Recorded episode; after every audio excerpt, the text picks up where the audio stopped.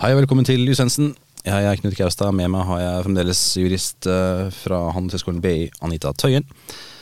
Vi har gått nå step by step med dere gjennom enkeltvedtak, hva det er, og ikke minst hvilke krav, du, krav det er til enkeltvedtak. Og da er det nesten naturlige steget er så klart å se på klage. Det er ikke alltid du er enig med det vedtaket du har fått, og da har du en mulighet i lovverket til å faktisk klage på det vedtaket her. Og de formelle reglene vi finner rundt klage, finner vi i forvaltningslovens kapittel seks.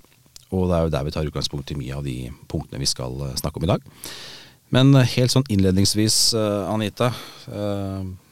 Klageprosessen når det kommer til enkeltvedtak, hvordan fungerer den i korte trekk? Ja, i korte trekk så betyr det at du får da et vedtak, og det er liksom viktig at du har fått det vedtaket, fordi mm. i det vedtaket så får du da informasjon om klagen, ja. om klageretten. Og da som jeg var inne på i forrige episode, så har forvaltningsloven ganske sånn konkrete krav til hvordan den informasjonen skal gis. Mm. Og det betyr at det holder ikke bare å skrive 'du har klagerett'. Eh, det skal stå eh, hvor du skal sende klagen, hvor lang frist du har på det, ja. eh, osv. osv.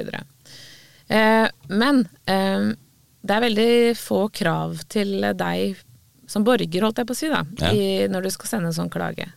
Eh, så hvis vi begynner med den klagen først, så kan du egentlig eh, Den skal være skriftlig. Ja. Men bortsett fra at du skal skrive hva du klager på, mm. så er det ikke noen andre krav til deg. Eh, så i prinsippet kan du bare skrive 'jeg klager på dette vedtaket', og, så trenger jeg ikke å skrive noe mer. Eh, det er jo ikke så lurt. Nei, det skjønner jeg jo. For det er veldig vanskelig å gjøre en ny vurdering av saken din hvis man ikke vet hvorfor du er misfornøyd. Nei, nemlig. Så jeg vil jo alltid anbefale at man eh, skriver en begrunnelse, da, og prøver å forklare hvorfor man er misfornøyd med vedtaket, og kanskje man har noen argumenter som ikke går fram av begrunnelsen i vedtaket at har blitt tatt hensyn til, f.eks. Um, så man bør skrive en begrunnelse, men man må faktisk ikke. Eh, så det betyr at Og dette er jo fordi at igjen eh, man skal ta hensyn til eh, at det er på en måte borgeren er den svake part, ikke sant. Og at det er forvaltningen som er myndigheten her. Og kravene stilles, eh, som stilles til forvaltningen er mye større enn en kravene som stilles til eh, borgerne. Akkurat. Så du har egentlig ingenting å tape på å klage? Jo, det kan du jo ha. Ja. Fordi eh, det kan jo føre til at uh, saken din tar lengre tid. Mm. Um, det kan uh, også føre til at uh, Ja, altså i, i, Det er ikke sikkert du får utsatt iverksettelse, f.eks. Altså, Vedtaket kan fortsatt bli iverksatt, mm. selv om du har klagd. Ja. Um, så det betyr jo at det er ikke sikkert at du har så veldig mye å vinne på det heller, hvis det er f.eks. utestengelse i forbindelse med fusk. Da. Eh, kanskje får du ikke svar på klagen før eh, du allerede er ferdig med å være utestengt. Nei, ikke sant. Det kan det skje. Eh, og, så det er en del sånne ting som man må ta den vurderingen. Man kan også alltids trekke en klage da, hvis man angrer seg på at man har klagd. Mm. Eh, så ja, man, må, man bør tenke seg litt om. Og hvis man er student, og dette her er ting som gjelder eh, liksom studietiden din, mm. så vil jeg jo anbefale å ta kontakt med studentombudet hvis man er usikker på om man vil klage eller bør klage, eller hvordan man skal skrive en klage. For der ja. er det veldig mye god hjelp å få. Ja. Eh, så det som skjer da, er at eh, sier man da har bestemt seg for å klage, eh, mm. skriver en klage så godt man kan, eh, sender da den inn, og så skal faktisk den eh, avdelingen da, som har gjort vedtaket, vurdere den en gang til. Ja. Eh, så da, da, gjør de en ny vurdering, eh, og ser selvfølgelig da på informasjonen du eventuelt har kommet med i klagen din. Mm -hmm. Og det kan jo være avgjørende. For eksempel ja. fikk jeg personlig et vedtak om å eh, utbedre kloakkrørene på huset mitt. Oi. ble jeg litt frustrert over det, for jeg har et helt nytt hus. Ja, interessant. og så da uh, sendte jeg inn en klage, skrev at jeg har et helt nytt hus. Uh, og da gikk det ikke mange dagene før jeg fikk eh, vedtak om at jeg selvfølgelig ikke trengte nye kloakkrør på det helt nye huset.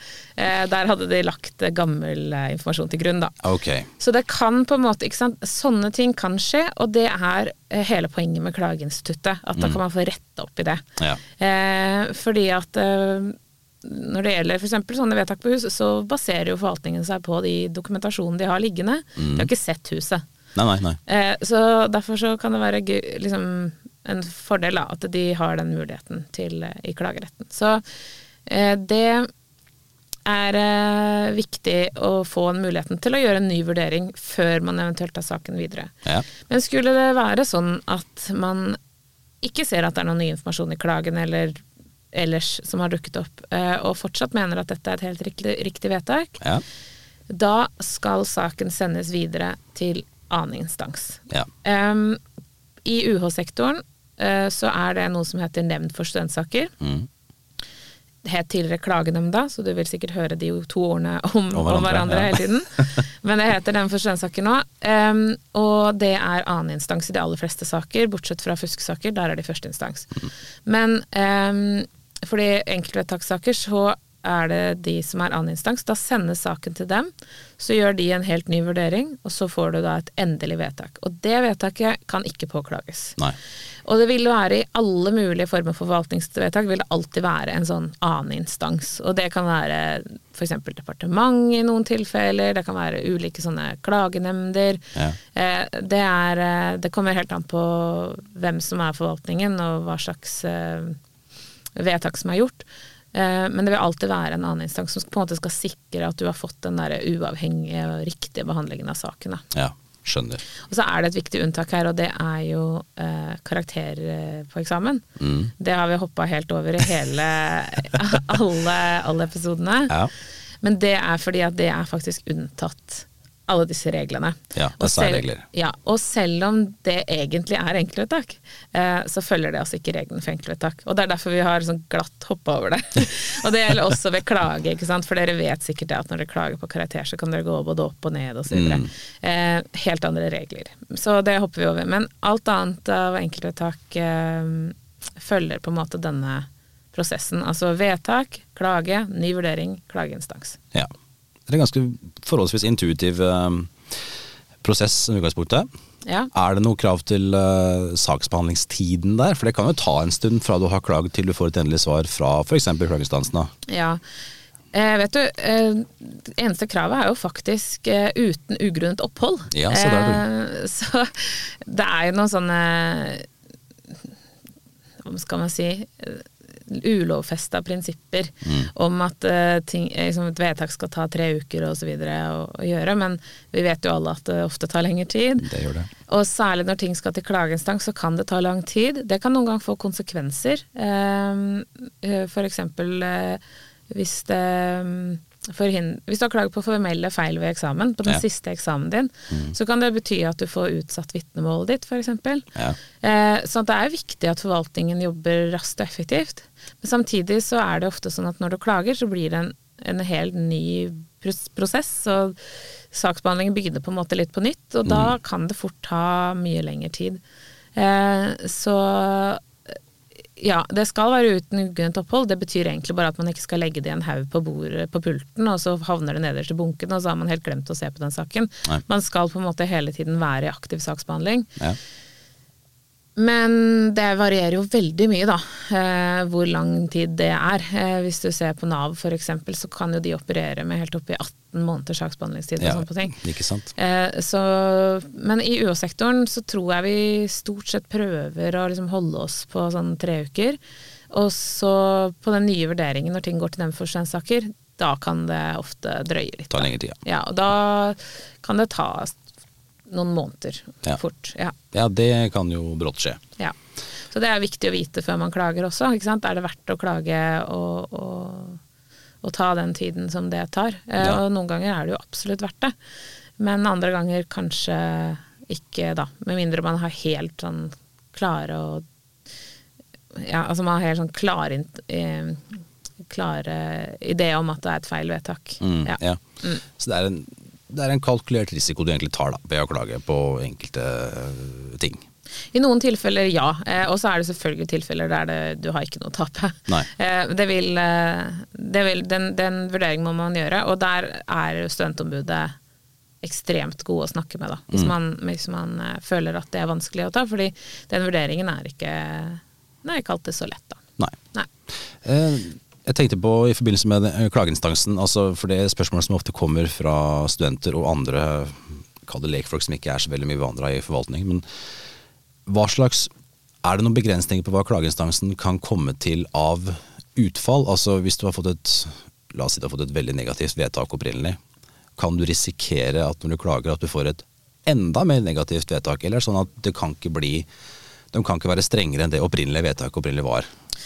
Nei, det blir et helt nytt vedtak, ja. Eh, så der eh, Man kan se på det som om man starter på nytt. Ja. Eh, og da kan det jo gå i alle retninger. Det, det Skoleeksempelet på det er jo klage på formelle feil ved eksamen. Ja. Følger også for så vidt litt andre regler, så det er et litt sånn dårlig eksempel. Men, eh, men likevel.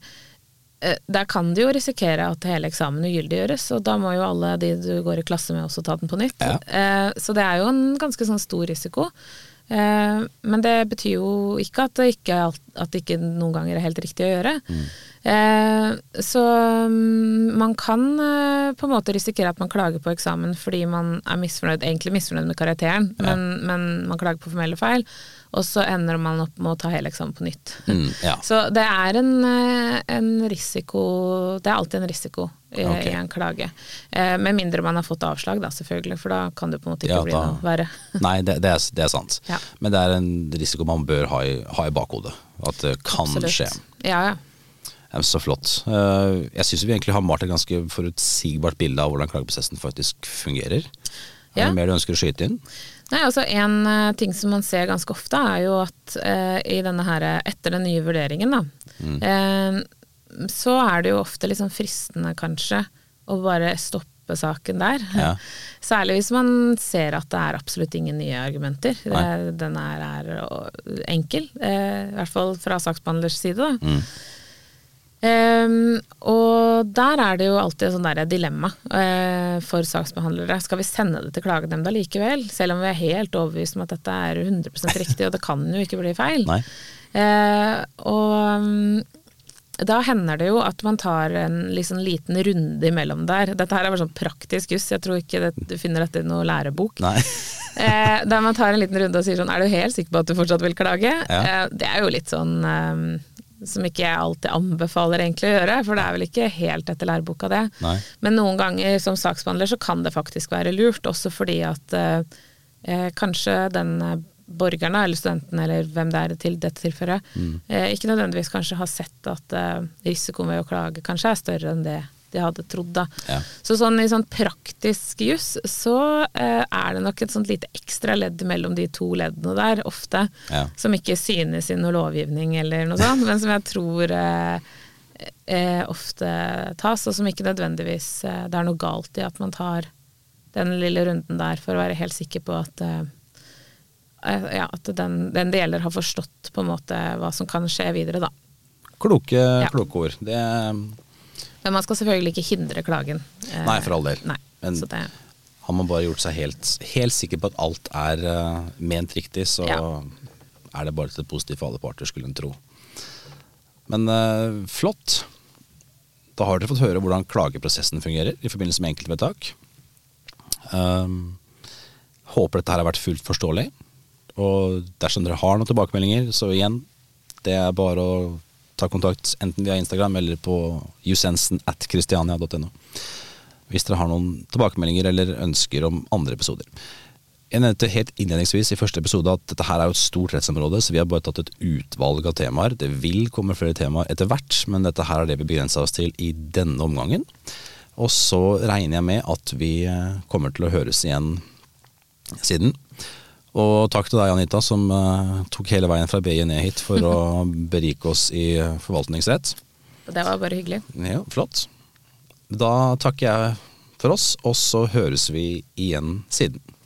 Hei, hei.